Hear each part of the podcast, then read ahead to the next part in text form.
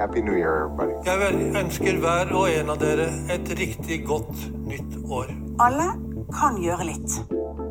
Sammen skal vi klare det. Godt nytt år. Ten, nine, eight, seven, six, five, four, three, two, one. Blast off! I denne episoden av Bærekraftseventyr Sveinung, er det på sin plass å starte med å si godt nyttår. Fordi eh, idet vi sitter og spiller inn det her, så er vi altså på formiddagen første nyttårsdag 2021. Godt nyttår til deg, Lars Jakob. Hadde du en fin nyttårsaften?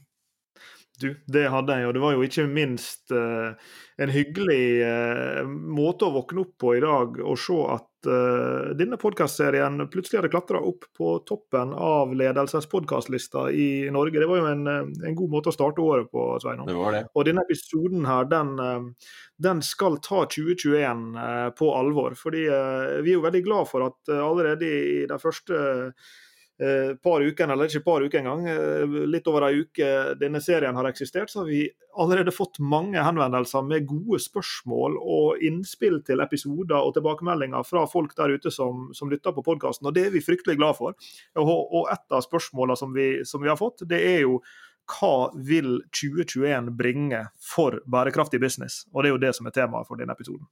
Og det er jo et veldig interessant uh, tema, og Lars Jakob, og et, et, godt spørsmål som jeg har fått her på, på vei inn i det nye året.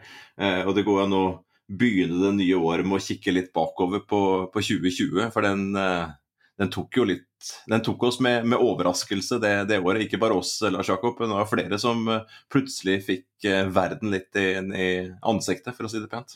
Men gjennomdebattert korona skal ikke vi uh, ta høyde av og, og, og, si noe nytt og, og nyskapende om, men, men, vi kan i alle fall eh, slå fast at her er jo vært en interessant samtale eh, gående nå om hva vil koronaen bety for bærekraft. Og Det er jo sånn sett interessant på vei inn i 2021 hvor vaksinen skal komme, eller den er allerede kommet og, og skal rulles ut hvordan vil økonomien se ut, både i det store makrobildet og, og i det lille mikrobildet for den enkelte bedrift osv.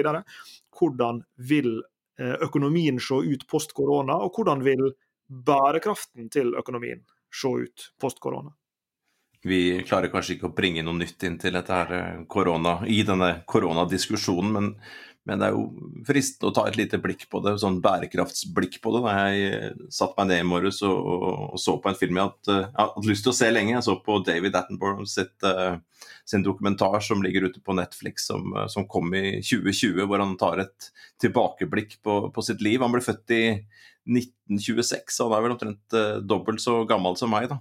Og se på en verden hvor han Det var vel bare et par-tre milliarder mennesker eh, på jorda da han ble født. Eh, lite karbon i, i atmosfæren og, og, og, dyrelivet, eller wildlife mer generelt, det, det, det, var jo blomstret på en helt annen måte da han ble født enn i dag. Og så drar han oss gjennom da, disse 93 årene både i sitt eget liv, og han har reist rundt og sett på dyrelivet, sett på naturen. og Han, han drar det jo enda lenger tilbake. Han, han, er jo inne i disse her ulike katastrofene som har skjedd før. altså Disse mass extinctions som har, som har skjedd. Mest kjent de med dinosaurene, men også så trekker han opp den vi står i i dag, og ser på den, den perioden da, på ca. 10 000 år hvor jorda har vært i balanse, naturen har vært i balanse. Den har gitt oss rent vann, den har gitt oss en veldig stabil eh, temperatur, den har gitt oss grobunn for å bli eh, så mange som vi er, og, en, og, og vært en enorm vekst i befolkningen da, fra, fra, fra, han ble født til i dag, og så peiler han mot 2100, skal vi gå mot, ja, hva er det han sier, 11 milliarder mennesker. Uh, og Han ender jo opp ganske depressivt på en måte og sier at vi har ødelagt jorda. sier Han og det, han, han, er jo, tung og mørk, men så bruker han de siste 25-30 uh, minuttene til å se ok, hva kan vi gjøre framover. Og han, på, han peker jo på den, den, denne, denne, biodiversiteten, eh, hvis det er sånn det uttales. Altså det, det derre der, som vi hører om, og som er litt sånn abstrakt, disse dyra, og passe på den der padda som, som ikke skal bli kjørt i hjel når du bygger en ny E6, og alt det greiene rundt oss som vi hører om hele tiden, og som vi skjønner er viktig. Men så peker han også på hvordan dette her griper inn i vårt liv, hvordan griper klimaet inn i vårt liv, og, og hvordan griper det inn i vårt liv at vi presser økosystemet så hardt. Og, det, og, der er det jo en covid-referanse, en covid-19-referanse eh, på å, å, se på hvor avhengig vi eh, mennesker og næringsliv, da, som vi er opptatt av, er hvor, hvor, avhengig vi er av dette økosystemet rundt oss, og, og hvordan vi har pressa det kanskje til det ytterste. Så det, det, er jo litt sånn bakteppe når vi går inn i 2021. Um, covid, ja, men også det der bærekraftsdimensjonen der. Hvor tett knyttet det er til uh, vår praksis og vår forretningspraksis. Jeg ble sittende og tenke på en uh, figur her mens du snakka. Nær sagt uh, akademikeren i meg som renner over. Uh, en figur i, i, starten av boka vår, 'Restart', hvor vi, hvor vi tegner disse tre innes, inneslutta sirklene, nær sagt, hvor den ytterste sirkelen er miljøet, altså natur og, og, miljø, hvor et samfunn da er sirkelen innafor, som er helt avhengig av disse ressursene som Eh, naturen rundt oss kan tilby. Og for at samfunnet skal, skal fungere, så, så nær sagt må det være en slags harmoni der. Og så er det økonomien da, eller business som er i den innerste sirkelen, som igjen står i et uh, avhengighetsforhold både til de samfunnsmessige ressursene som, som omgir et næringsliv, og de naturressursene som, som en er avhengig av. Og så Eh, diskuterer vi i dette kapittelet i boka vår hvordan bærekraftig business eh, som mål da, eh, er jo da nettopp en slags form for harmoni mellom disse tre, om du vil. Altså en, det er mye snakk om en regenerativ økonomi om dagen i sirkulærøkonomien bl.a. Altså en økonomi som er med på å styrke de samfunnsmessige og miljømessige ressursene rundt seg, heller enn å, å bryte dem ned. Eh, og vi må vel kunne si da i lys av Attenborough her, at, at vi er et stykke unna den harmonien, og at kanskje de siste ja vel hvor mange år du vil, 10, 20, 50, 100 åra, har det kanskje mer vært snakk om en dissonans mellom disse tre sirklene. Og at det som vi jobber med i, det daglige, og det som denne podkastserien tar eh, for seg, er jo da dette utfordringer knytta til å gjenskape en slags harmoni eh, mellom disse forretningsmodellene som ligger innerst der, økonomien som er inneslutta i noen samfunnsmessige og miljømessige ressurser som er i ferd med å bli slitt tåleevnen til helt til det ekstreme. Eh, og som du sier, Attenborough eh, levner ikke oss veldig stor optimisme, men han peker på noen av grepene som kanskje kan tas. Og Da er jo det spennende å kikke inn i 2021 Sveinung, og spørre seg hvilke trender, hvilke uh, utfordringer, hvilke ting er det som, som vil, vil, møte oss nå inn i det nye året, som, som, vil forme bærekraftig business. For min egen del så har jeg i hvert fall lyst til å lære mer om natur, kjenner jeg, uh, på vei inn i 2021. Altså dette økosystemet og havet Eh, jordskorpa, eh, disse syklusene. Eh, både med karbonsyklusen, nitrogensyklusen altså jeg, har til, jeg, har lyst til, jeg, jeg, har sagt det mange ganger før og, og leser om det titt og ofte. Men jeg må innrømme at David Attenborough på morgenkvisten har, uh, har, inspirert meg til å ta et enda mer dypdykk ned i den støttefunksjonen. Altså det du sier, det som, det som, ligger rundt oss alle sammen. Og så er det samfunnet da, som hviler på det og så er det det bitte lille i midten. næringslivet, økonomien, da, som, som vi er uh, så opptatt av. Som er helt avhengig av en slags balanse da, opp mot samfunnet og ut mot, mot naturen. Og Hans påstand, da, og kanskje også covid-19 kan brukes som et eksempel på det, er at vi har dratt den strikken eh, så langt da, at det, tål, det har gått utover tåleevnen til naturen, og det påvirker selvsagt samfunnet. Og i 2020, det, det, det, året vi har bak oss nå, det har jo vært ekstremt i så måte. Vi har jo måttet leve på en helt annen måte enn vi har blitt, eh, blitt, vant til.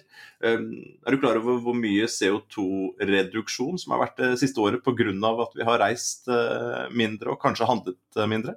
Fordel.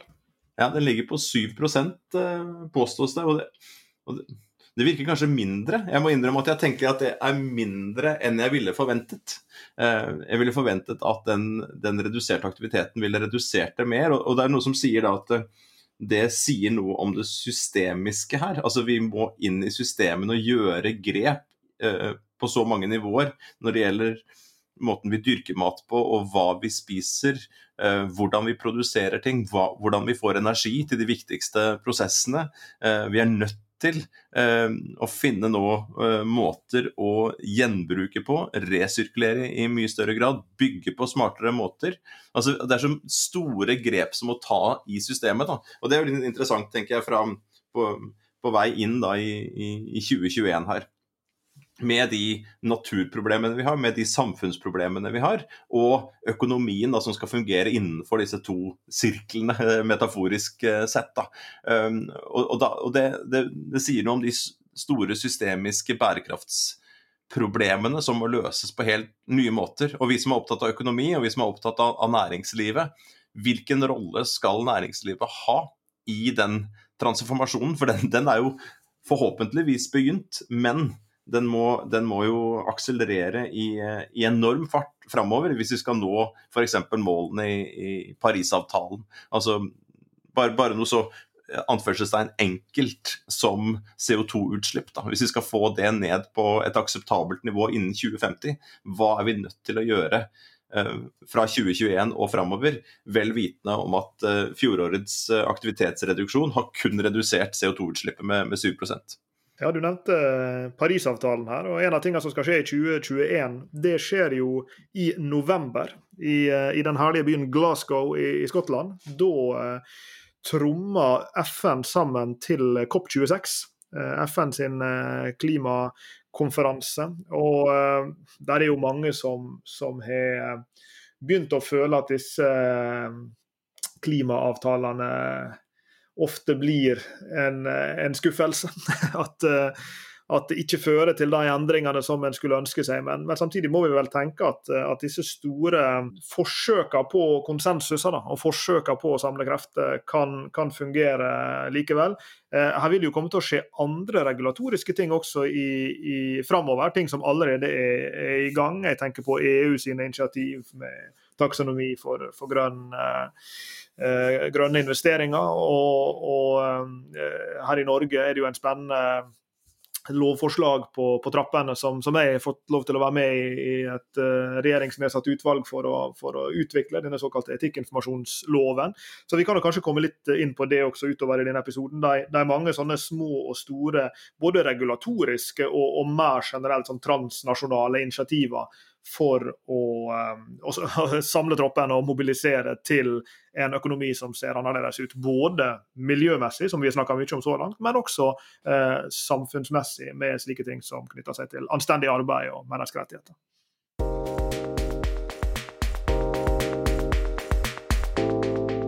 Men EU kan vi hoppe på med en, med en gang, da, Lars Jakob. Vi, vi hadde jo et uh et, en interessant prat nå i romjula med en journalist fra Kapital som skulle skrive en oppfølgingssak eh, fra halvannet år tilbake, hvor de så på disse nye bærekraftsdirektørene i de største norske selskapene. Og nå skulle de se da halvannet år etterpå eh, om det var flere, om de hadde fått mer myndighet, om de hadde fått eh, avdelinger rundt seg, om dette var mer integrert i kjernevirksomheten hos, uh, hos, bedriftene. Og spurte jo, Journalisten spurte jo også ja, hva tenker vi da med 2021 og, og framover.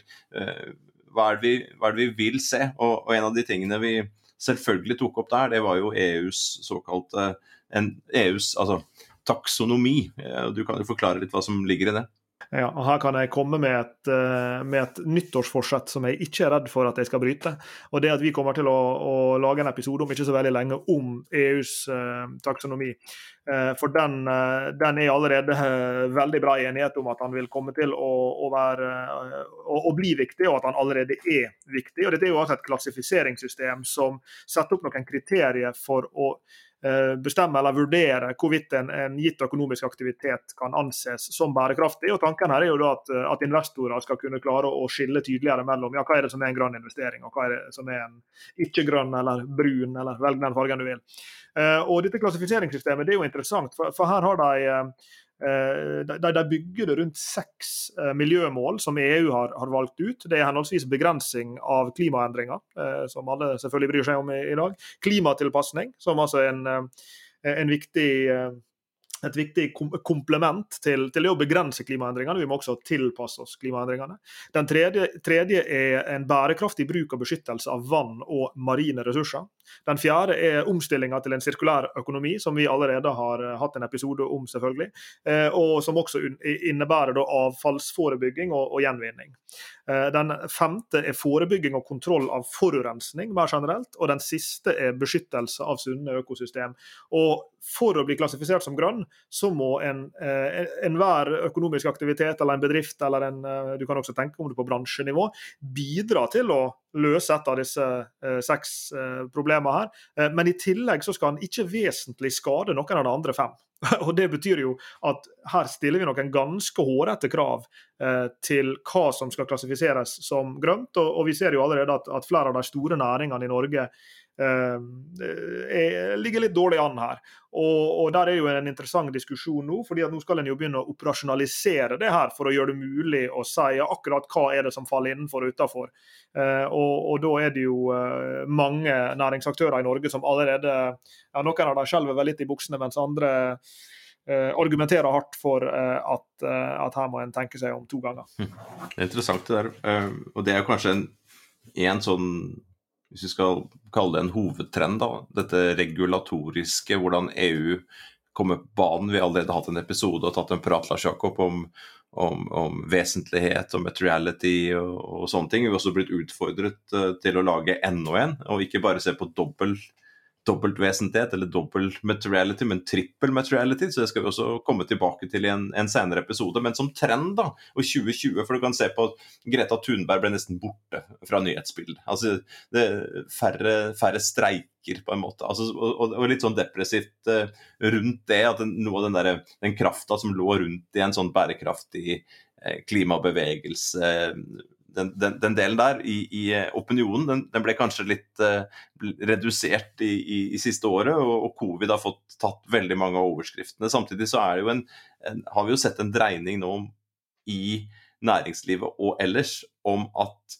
klima miljø, eh, bærekraft har kommet lenger opp på agendaen. og Vi ser flere og flere organisasjoner og uh, myndigheter som nå lager reguleringer og lager rammeverk, og flere og flere bedrifter som forplikter seg til å rapportere uh, og, åpne seg i, større grad. Og, og, bærekraft har gått fra noe som man, som man kunne bry seg om, og til noe som var ja, fint å bry seg om, eh, og viktig å bry seg om for, for bedrifter. Men vi, vi, vil kunne se nå i løpet av, av, ganske få år at dette her er noe som bedrifter er helt nødt til å gjøre. Altså at de ikke kommer seg unna i det hele tatt. Så dette med disse den, denne taksonomien, altså disse, disse, den, det klassifiseringssystemet til EU som du skisserer her, med disse seks hovedområdene hvor man skal kunne bidra sterkt til å løfte en av dem, men ikke at, ikke, altså den, unnskyld, altså at ikke den aktiviteten skal gå ut over,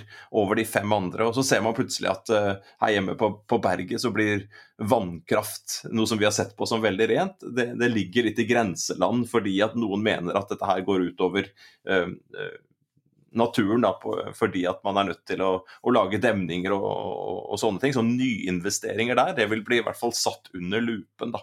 Og her vil det vel diskuteres og, og drives lobbyvirksomhet i, i, lengre tid. Og, det vil nok ta litt mer tid før man blir enige om akkurat hva som er innenfor og hva som er utenfor.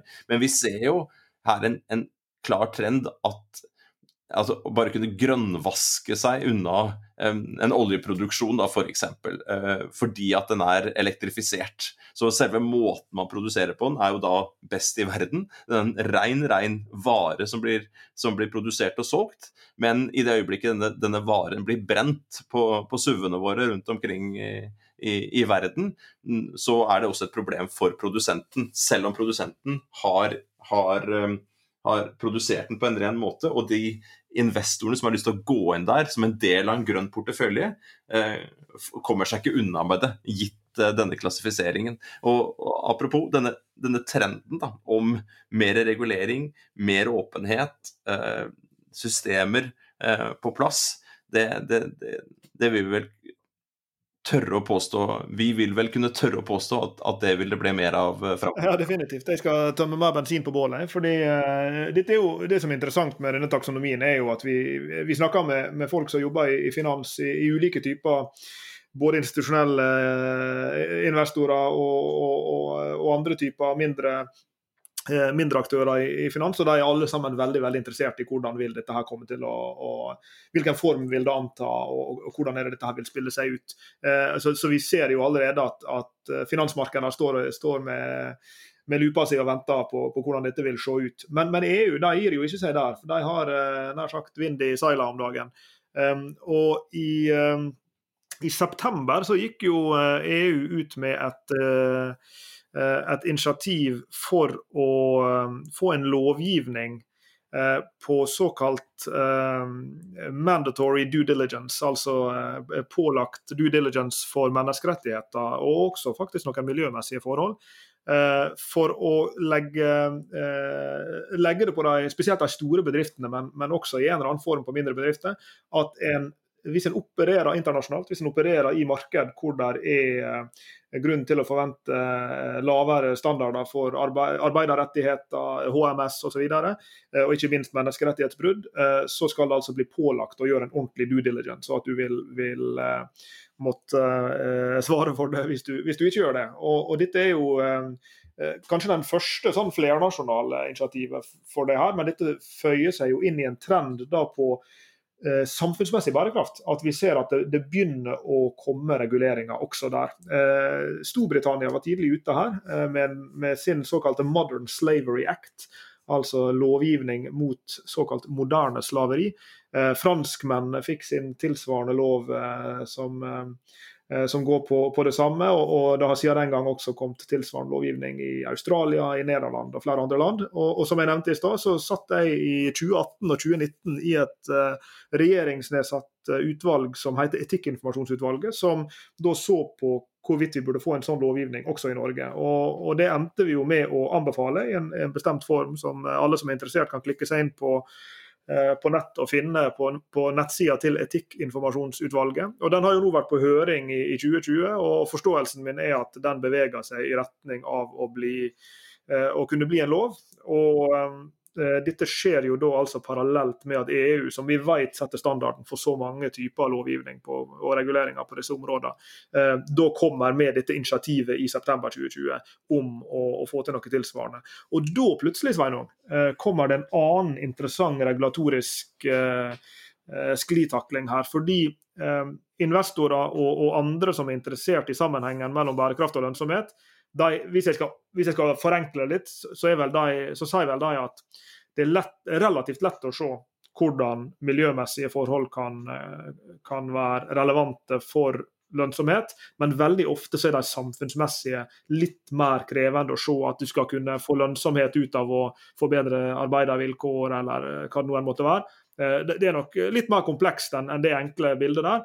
Men disse regulatoriske grepene her, de vil jo kanskje også føre til at den samfunnsmessige bærekraften, eh, som vi ikke snakker om så ofte eh, her til lands som den miljømessige, at den plutselig også kan bli, kan bli veldig veldig viktig. Så, så, kanskje det er et stalltips for 2021 at vi får mer vind i seilene for den, den samfunnsmessige bærekraften.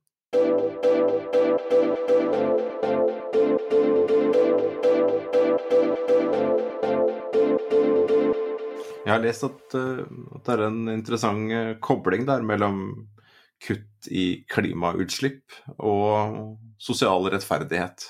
At, uh, at, man er nødt til å finne måter å ta hensyn til den sosiale dimensjonen, sånn at man lager en utjevning der. Altså et bilde i så måte, da, hvis vi så før valget i USA, fulgte Thomas Seltzer til, til USA og reiste inn i disse gamle kull, kullområdene i sørstatene hvor, hvor, folk har vært helt avhengig av kullindustrien i, i lang, lang tid. Um, hvor det har vært en, en, en, reduksjon i etterspørselen etter kull og, og synkende kullpriser. Um, og, og, dette har gått utover økonomien i disse områdene. Så, så hvis vi skal bevege oss vekk da, fra oljen fra, fra, den brune økonomien og over i en grønnere økonomi, hvordan er det det kan gjøres på en sånn måte at det ikke går utover de som har vært avhengig av, av den industrien, og det er jo mange uh, uh, avhengig av den industrien. Og så er jo, når vi går inn i 2021, så går vi også inn dit med ekstremt billig uh, olje. Vi vet nå, hvis vi skal liksom plukke kanskje trend nummer to, da, at vi vet nå at fornybar energi har blitt mye mye billigere. Eh, og Det har gått ned enormt de siste kalde ti årene. Samtidig så går vi inn her med veldig billig brun eh, energi. Eh, og, hvis vi skal bort ifra den industrien og, og, og, også gjøre de nødvendige tiltakene i, i de områdene i verden, i de, i de sektorene eh, hvor det vil være dyrt å, å, investere i, i nye energiformer f.eks. Så hvordan er det vi skal utjevne disse, disse, forskjellene? Det kan også være spennende å se hvordan dette her blir bakt inn i, i, i neste, neste eh, klimatoppmøte i, i, Glasgow, altså COP26. Eh, hvordan er det man? Og Kan jeg få lov til å komme med en liten, eh, en liten nugget som jeg, som jeg syns er veldig spennende? Vi hadde du, du, husker kanskje når vi arrangerte vår første Rafto-challenge. Vi har en årlig eh, dagskonferanse eh, på NHH hvert år til minne om eh, Torolf Rafto, som var professor i økonomisk historie, men som var jo menneskerettighetsforkjemper. Det var jo den han var mest kjent for. Eh, så vi arrangerer den eh, sammen med Rafto-stiftelsen her i Bergen. Og Da har vi hvert år en bedrift som stiller og forteller om sine menneskerettighetsutfordringer. Vi har hatt eh, CEO-ene fra Eh, Equinor, Yara og Telenor de siste tre åra. Og så har vi alltid en akademisk eh, gjest også, som, som setter problemstillingene inn i en eh, akademisk ramme. Og Den første som du kanskje husker, Sveinung, vi hadde på besøk der, var jo Kevin Bales, som er professor i i Modern Slavery, tror jeg faktisk er tittelen, på, på, universitetet i Nottingham. Og Han er jo en av verdens absolutt ledende forskere på på eh, såkalt moderne slaveri i, i næringslivet. Han har gått undercover over hele verden og kommet seg inn i bedrifter som, som, eh, som har slaver i arbeidsdagen sin osv. Men, men han kom med et veldig, eh, veldig, spennende kalkulering som han hadde gjort, fra, som er fra en av bøkene hans. at hvis slaveri hadde vært et land, altså med andre ord du har tatt de som er i, i, i en eller annen slags form for slaveri, Eh, i, i, økonomisk virksomhet og putta dem sammen og blitt et land, så ville det ha vært den tredje største utslipperen av CO2 etter USA og Kina.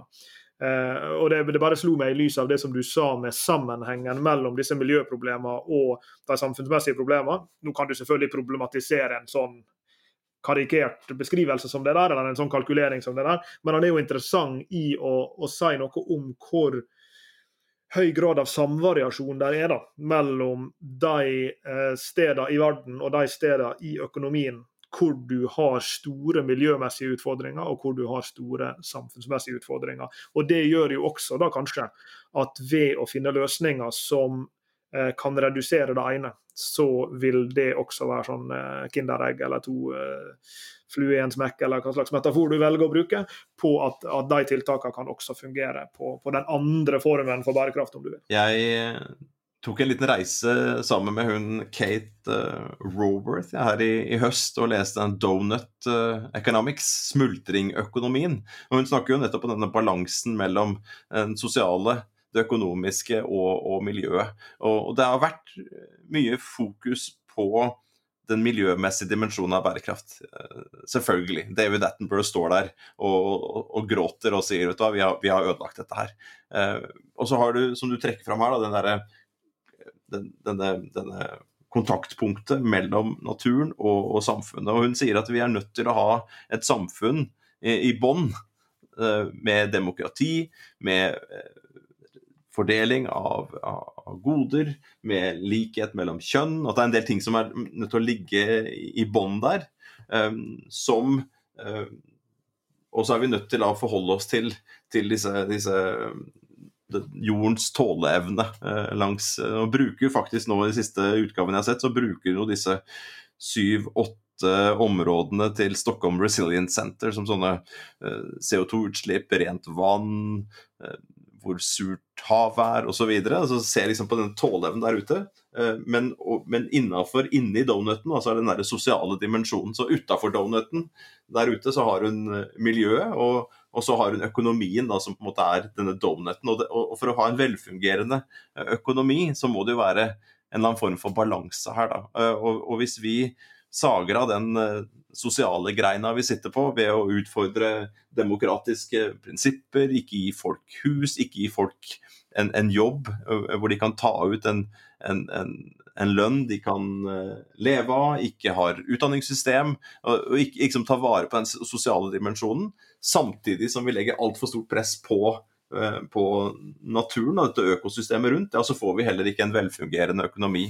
Og, og hun, Du nevnte vel dette begrepet før i episoden, der, med den regenerative økonomien, da, som går og går og går og går, akkurat på samme måte som, som naturen gjør det. Og så, så kommer mennesket, da. Vi, vi, begynner å bli veldig mange. Vi har store behover, behov. Vi har en høy eh, anvendelse av ressurser som blir brukt eh, én gang, samtidig som vi eh, legger press på, på de sosiale dimensjonene. Så, så, når vi ser framover mot 2030 og mot 2050, og ser på de trendene og de bevegelsene som er nødt til å komme da i næringsliv, i samfunnsliv uh, for øvrig, så er det jo en Må vi vel si at, at det er behov for en mye, mye større balanse mellom disse tre systemene, altså økonomien, samfunnet og naturen. Og i det som, som du snakker om her, da, og det regenerative, så, så ligger jo det en, eh, en, forventning som vi vel har hatt i, i mange år, og, og, den har jo eh, beveget seg i den retninga vi har trodd. Og, og, vi tror vel kanskje enda sterkere for året som kommer, at sirkulærøkonomien nå vil få eh, vil bli enda mer virkeliggjort på, på mer enn en, en, en måte. Altså Det ene er at, at vi vel ser nå og vi vet jo også etter samtaler med, med politikere annet på Stortinget som, som, sitter og jobber med konkrete regulatoriske grep for å fremme sirkulærøkonomien. Um, så, så her, her, vil det nå komme initiativ som vil antageligvis um, uh, gi, gi, gi, momentum til uh, sirkulære initiativ. Og så samtidig så ser vi jo det ene er liksom den enorme mengden startups i sirkulærlandskapet. Vi, vi skal snart ha en episode til som følger opp uh, episode tre, hvis jeg husker det rett, i, denne serien, som, som tok for seg liksom, sirkulærøkonomi for dummies. Så skal vi ta for oss ja, hva er de ulike typene sirkulærøkonomi. Og, og Der ser vi jo nå det vokser fram så mange spennende initiativ, både blant startups, og så ser vi også at de større virksomhetene begynner nå å rulle ut sine sirkulær initiativ også her i Norge. Dette har vi jo sett internasjonalt ganske lenge, eh, med, med, alt fra Renault til eh, Hennes og Maurits til uh, Interface, som vi har nevnt før, og, og, mange mange, mange andre. Men nå ser vi også at store norske selskap begynner å komme med sine sånn eksplisitte sirkulær satsinger. Og, og, det at sirkulærøkonomien både blir fylt med enda mer konkret innhold, at den blir gitt muskler ved hjelp av ulike typer regulatorisk og kanskje også eh, finansieringsrelatert eh, grep, eh, og at det ikke minst bare er en voldsom sånn entusiasme og push fra næringslivet sjøl i en sånn sirkulær retning, eh, det, det, det, kan vi kanskje også tenke at vil, vil forme bærekraftig business i 2021 her til lands. Ja, jeg, jeg tror det. At uh, bedriftsledere som, som, ikke lærer seg sirkulærøkonomi uh, på rams uh, Jeg tror, jeg håper at de vil slite framover. Altså at vi vil se initiativer knytta til gjenbruk og resirkulering, tilgangsøkonomi. At vi vil se at, at, bedrifter lager produkter som, som varer lenger, som kan repareres, som kan gjøres tilgjengelig for folk. Eh, det tror jeg vi vil se. Og så, så vi har sett én ting til eh, Lars Jakob, det siste året og de siste årene. Eh, og det er jo disse bedriftene som forplikter seg til null klimautslipp innen hva det, 2030 ofte, og i hvert fall 2050. Men det er ganske radikale grep, og, jeg har lest den siste tiden at det er Særlig det siste året så har vi sett store store bedrifter, da, Ikea, Microsoft og andre, som har forpliktet seg til, til netto Altså net zero emission. Altså eh, at de, skal, at de skal, være eh, i balanse, helst eh, positive, innen 2030. Um, og Der tror jeg vi vil se enda flere bedrifter som, som vil forplikte seg til de samme tiltakene. Um, men i kjølvannet av det så må vi jo ha store endringer også. Det er jo ikke, er jo ikke noe man kan bare gå inn i en, i, en, i en, årsrapport eller stå på en, en TED-talk eller et eller annet sted og så si at nei, nå skal vi, vi skal ha nullutslipp fra, fra 2030. Dette vil jo kreve enorme omstillinger i, i disse virksomhetene for å få det til.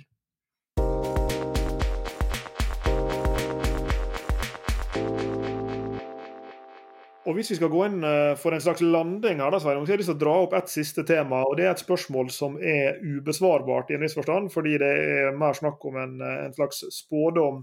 Eh, men, men, hvis vi skal bite oss sjøl i halen og, og, og, avslutte der vi begynte, med et koronaår 2020, så er jo ikke koronaen over enda, men vi kan regne med antageligvis at med en stadig mer utbredt vaksinering, så vil økonomisk virksomhet eh, ta seg opp igjen i de bransjene som kanskje har vært rammet mest. For, eh, det er jo selvfølgelig noen bransjer som har klart seg helt fint, eh, men det er mange bransjer som har vært holdt tilbake. og Du var jo inne på, på det med reising, altså fly, flybransje og, og, mange andre, som reiselivsbransjen i vid forstand, som, som har vært hardt råka. Og, og, så er jo det et spørsmål da, og, dette spørsmålet det stilte vi studentene våre faktisk i, i, kurset Sustainable Business Models på eksamen i vår, eh, når koronaen var i sin tidlige fase. Eh, våren 2020 så stilte vi dem et eksamensspørsmål eh, hvor vi ba dem drøfte hva vil være sannsynlige implikasjoner av covid-19 for eh, bærekraftig business i en post-korona-verden. Og, og da, som du kanskje ville tro, så delte jo feltet seg ganske betydelig. De som var veldig bullish på at uh, vi vil reise mindre, vi vil være mer skeptiske til å nær sagt være i, sitte på et fly eller på en båt, eller sånn og sånn. Vi vil komme til å jobbe mer hjemmefra. Vi, kanskje vil vi til og med handle mindre, kanskje vi, hva det måtte være. Um, mens uh, det var andre som mente at nei, her vil vi antageligvis få en, en bumerangeffekt. Altså at når vi omsider kan åpne opp igjen, uh, så vil folk skynde seg tilbake til Gran Canaria. De vil kjøpe en enda større og raskere bil så de kan legge ut på, på uh, rallytur langs, langs kysten. Uh, you name it. Eh, økonomien vil få en, en, en boost om noe etter, etter, det her. Og... Ja, men Det er et spørsmål der, Jakob. Um, og Jeg har sett en sånn hashtag som går nå, han har gått til det siste, sånn 'build back better'. Ja. Kan vi da etter, uh, gjennom denne krisen, bygge noe som er enda bedre? Uh, denne bilen da, som man skal kjøpe, kan man få tilgang til den framfor å kjøpe den? Kan den bli drevet av fornybar energi? Eh, framfor en ikke-fornybar eh, energi. Eh, de klærne vi skal kjøpe, de turene vi skal reise på, maten vi spiser. Vi ser jo nå en dreining i at, at flere og flere bedrifter tilbyr produkter som er pakket inn på smartere måter, og kan, altså, altså, at det gjøres grep da, i hele verdikjeden, i den sosiale, forhåpentligvis, at, at, at det er gode arbeidsforhold uh, i, i, verdikjeden. Uh, den miljømessige.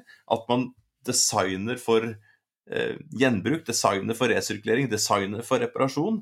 Er det her noen muligheter, og, og vil vi se det? Og Det syns jeg er veldig spennende når vi, når vi går inn her. for det, det, kan gå begge veier. Vi kan build back worse, eller vi kan build back better. Men skal vi build back better? Skal vi bygge til noe som er bedre enn det det var? Altså Begrepet kjente jeg først fra forsikringsbransjen. da. I det øyeblikket man får vannskader f.eks. pga. mer regn pga. klimaforandringer, eller flomskader, vil man da bygge på det samme stedet? Eller vil man bygge noe som er bygget på en bedre måte, som, som er, er, mer varig osv. Men altså sånn generelt da, inn i økonomien, inn i disse store postene våre som går, på, som går, på, helse, som går på utdanning, som går på mat, som går på klær, som går på livsstil, som går på reise, som går på underholdning. Altså Det er noen sånne store, store områder. Er det her mulig, og vi, har vi nå begynt å se en trend uh, hvor vi vil bygge tilbake til noe som er uh, bedre? Uh, og skal vi få kraft i den trenden, da, ikke sant? Så, så, så, er det jo mange grep som skal på plass. og Vi har vært innom det her, vi har vært innom ny teknologi, vi har vært innom eh, reguleringer. Vi har ikke snakket om investeringer, så vidt jeg vet. Vi har sett en økning nå det siste året på såkalte ESG-investeringer. Um, kundepreferanser, ja, kanskje vi også har sett nå at, at, at, folk i større grad enn tidligere velger bærekraftige løsninger, og, og, og kanskje um, er mindre åpen for såkalt grønnvasking. Eh, hos bedrifter, at de krever reelle endringer. Det er jo mange av disse tingene her som må på plass hvis vi skal gå mot et, et, et, et eh, Hvis vi skal nå målene i, i Parisavtalen da, mot 2030-2050. Og Det er jo en grunn til at vi har skrevet en bok som, som heter 'Restart'. I, i, det ligger jo bl.a. Uh, denne ideen om å, å, build back better, som du sier. Og det ligger i den innovasjonsideen da, om at der er noen sånne gylne øyeblikk for å ja, starte på nytt, da, eller å velge seg en ny kurs.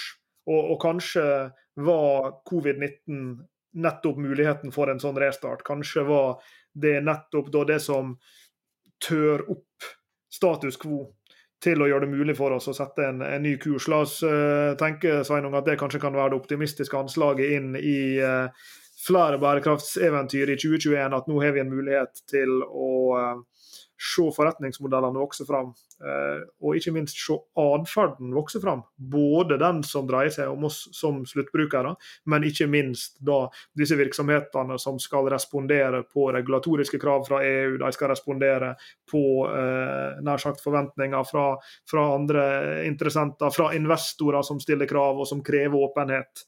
Eh, om påvirkning både på samfunnsmessige og miljømessige forhold osv. Vi har påstått før at uh at uh, bærekraftsproblemet det løses ikke på, på, i kjøkkenbenken uh, hos folk. Den løser vi uh, på et systemisk nivå. Men disse bedriftene de kan jo faktisk gi løsninger, de kan gi tjenester og produkter som, som, gjør at vi kan stå ved kjøkkenbenken. Og, og, løse disse problemene. Altså De systemiske problemene er vi jo helt avhengig av bedriftene for å løse. Jeg leste Times her nå i november. De, de, de, de beste innovasjonene i eh, oppfinnelsen i 2020. Og den er faktisk knytta til eh, kjøkkenbenken. Har du hørt om Sepura, Lars Jakob? Sepura er et, et, et, selskap som har lagd en kompostløsning. Eh, jeg tror det er i USA hvor det er vanlig med sånne kverner, så du putter mye mat oppi kvernen, så går det rett ut i, i, i kloakken. Men her er det altså mulighet til å ta det til en, en kompost som du integrerer i kjøkkenskapet. Eh, sånn at du kan lage ta, altså, Det er snakk om millioner av tonn med, med, avfall hvert år. Vi vet hvor enorme klimautslipp det er pga. Eh, av matavfall. Og her er det faktisk da, laget en sånn løsning. da, eh, En bedrift som kommer opp med en sånn løsning. Apropos atferden, det du var inne på, Elias Jakob. Hvordan legge til rette for at atferden vår da, som konsumenter, eh, som borgere, eh, blir bedre? Og, og, hvordan kan man da ta disse systemiske problemene og bidra med løsninger som eh, eh hver enkelt av oss eh, kan gjøre? Og håpet mitt da, for 2021 og framover er at vi vil se mange sånne typer løsninger som, som gjør at vi kan bidra til å løse disse bærekraftsutfordringene vi står overfor. Det gleder jeg meg veldig til å jobbe videre med i, i, året som kommer. Og jeg gleder meg til eh, mange flere samtaler, både med deg her og også etter hvert med, med gjester som vi skal få inn i, i, denne serien. Og ikke minst så gleder jeg meg til mange flere gode spørsmål fra lytterne våre, slik som spørsmålet som motiverte denne eh, episoden. Så vi vil jo eh, oppfordre dere alle sammen til å, å, å sende oss e-post på eventyr krøllalfa med spørsmål, kommentarer, refleksjoner, forslag til episoder hva det nå enn måtte være, ehm, for å eh, sparke oss i gang i et mer bærekraftig 2021 post korona, i en verden hvor eh, næringslivet da forhåpentligvis vil build back better. Du har hørt på Bærekraftseventyr med Jørgensen og Pedersen. Send e-post til eventyr.krøllalfa.jorgensenpedersen.no for å stille oss spørsmål eller komme med forslag til tema for fremtidige episoder. Og besøk jorgensenpedersen.no for mer informasjon om denne podkastserien. Derfra kan du også fortsette samtalen med oss i sosiale medier på Twitter, Facebook, LinkedIn, YouTube og andre steder.